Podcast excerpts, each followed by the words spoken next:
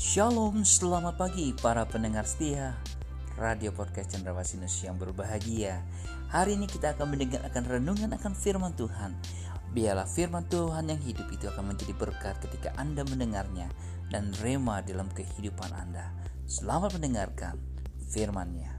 Tuhan Yesus memberkati Anda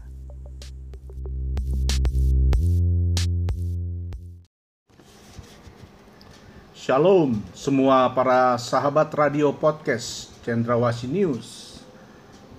Saya ucapkan salam sehat dan kuat untuk kita semua. Sehat dan kuat di dalam kemurahan Tuhan kita, Yesus Kristus. Sahabat radio, dalam masa pandemi ini ada muncul sebuah istilah yang pernah saya dengar dan tertulis di banyak medsos dikatakan begini, bahwa kita semua sedang ada dalam gelombang badai yang sama dengan perahu yang berbeda-beda. Artinya, badai dari COVID ini telah berimbas kepada semua kehidupan. Di mana pun kita berada, itu terpengaruh dengan apa yang sedang terjadi. Tidak peduli Anda di desa atau di kota, bahkan negara pun banyak yang terpengaruh akan COVID 19 ini. Semua sektor usaha kena imbasnya. Penghasilan dari semua lini usaha, omset usaha menurun dan sebagainya. Bahkan juga ibadah-ibadah di gedung ibadah pun juga terpengaruh. Nah, saudara sahabat, kita tidak tahu kapan badai ini akan berhenti. Namun satu hal yang jelas, adalah tidak ada badai yang untuk selamanya. Badai selalu bersifat sementara. Dan yang pasti saat badai itu datang, maka Tuhan tidak membiarkan kita sendirian. Tuhan tidak membiarkan kita akan tenggelam di dalam badai. Bahkan mungkin kita akan justru berjalan di atas badai. Nah, di dalam Alkitab ada sebuah kisah di mana perahu dari murid-murid Tuhan Yesus diterjang badai gelombang oleh angin sakal. Angin yang bertiup dari haluan kapal sehingga kapal diombang-ambingkan. Saudara dapat membacanya di Matius pasalnya ke-14 ayat 22 sampai ayat 33 atau di Markus pasalnya yang ke-6 ayat 45 sampai 52. Dalam kisah itu saudara dapat melihat bahwa perahu diombang-ambingkan oleh gelombang yang besar. Di dalam Markus pasalnya yang ke-6 ayat 48 saya ingin bacakan kepada Bapak Ibu Saudara semua. Firman Tuhan berkata demikian, ketika ia melihat betapa payahnya, ketika Yesus melihat betapa payahnya mereka, murid-murid maksudnya, mendayung karena angin sakal. Maka kira-kira jam 3 malam ia datang kepada mereka, berjalan di atas air, dan ia hendak melewati mereka. Inilah hati Tuhan. Dia selalu ingin datang dalam kehidupan kita saat kita menghadapi badai, saat hidup kita diombang-ambingkan oleh apa yang ada di sekitar kita. Tuhan tidak pernah diam.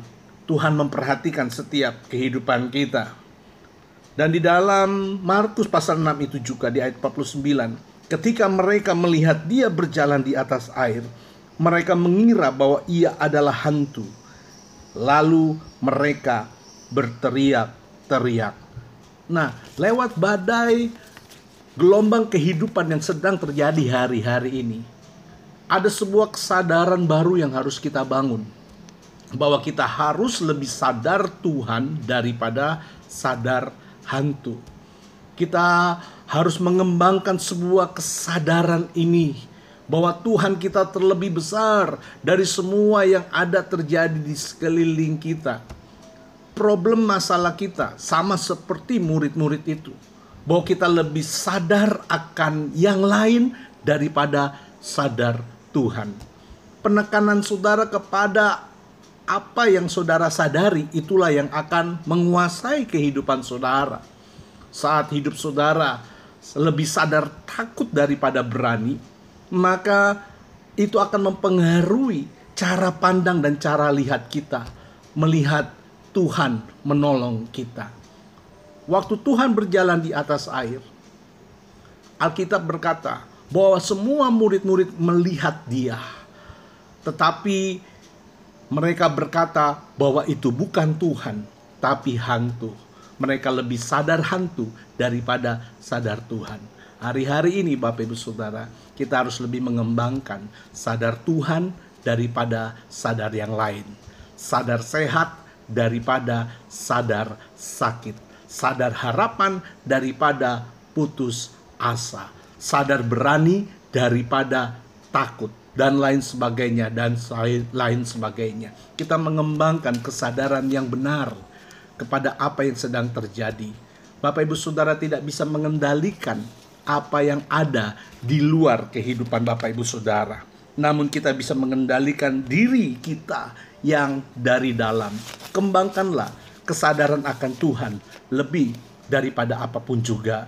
Jangan lebih mengembangkan kesadaran akan COVID, akan virus yang beritanya saudara mungkin blow up atau yang atau maksud saya yang saudara beritanya saudara forward, saudara lihat data, statistik dan sebagainya, hati semakin cemas, hati semakin takut. Itu yang menjadi kesadaran kita.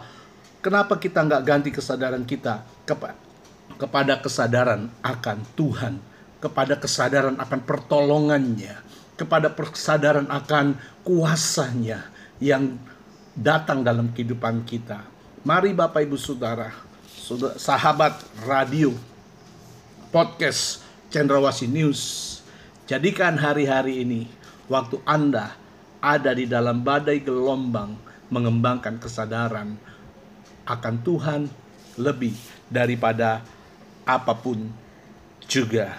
Dan kita tahu bahwa pada akhirnya Yesus datang kepada murid-muridnya di atas perahu itu dan memberikan ketenangan dan berkata jangan takut dan ketika ia naik ke perahu mendapatkan mereka maka Alkitab berkata angin pun redah sehingga murid-murid Tuhan begitu takjub dan tercengang melihat kuasa Tuhan dinyatakan.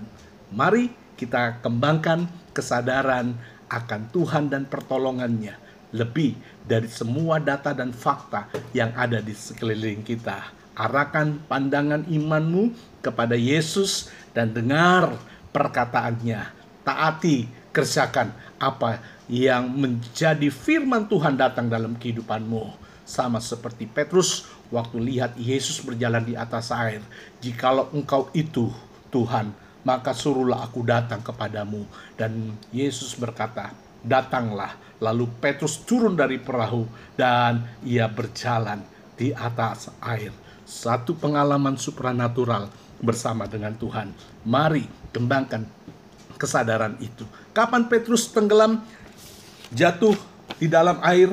Alkitab berkata, ketika Petrus merasakan tiupan angin, kesadaran Petruslah yang membuat ia tadinya jalan di atas air dan kesadaran akan ketakutan itu juga yang membuat Petrus tenggelam di atas air. Waktu Petrus sadar akan Tuhan, dia berjalan di atas air. Tapi pada waktu ia sadar akan tiupan angin, maka ia tenggelam. Haleluya. Saya berdoa, sadarlah Tuhan lebih daripada sadar yang lain. God bless you. Tuhan memberkati kita semua.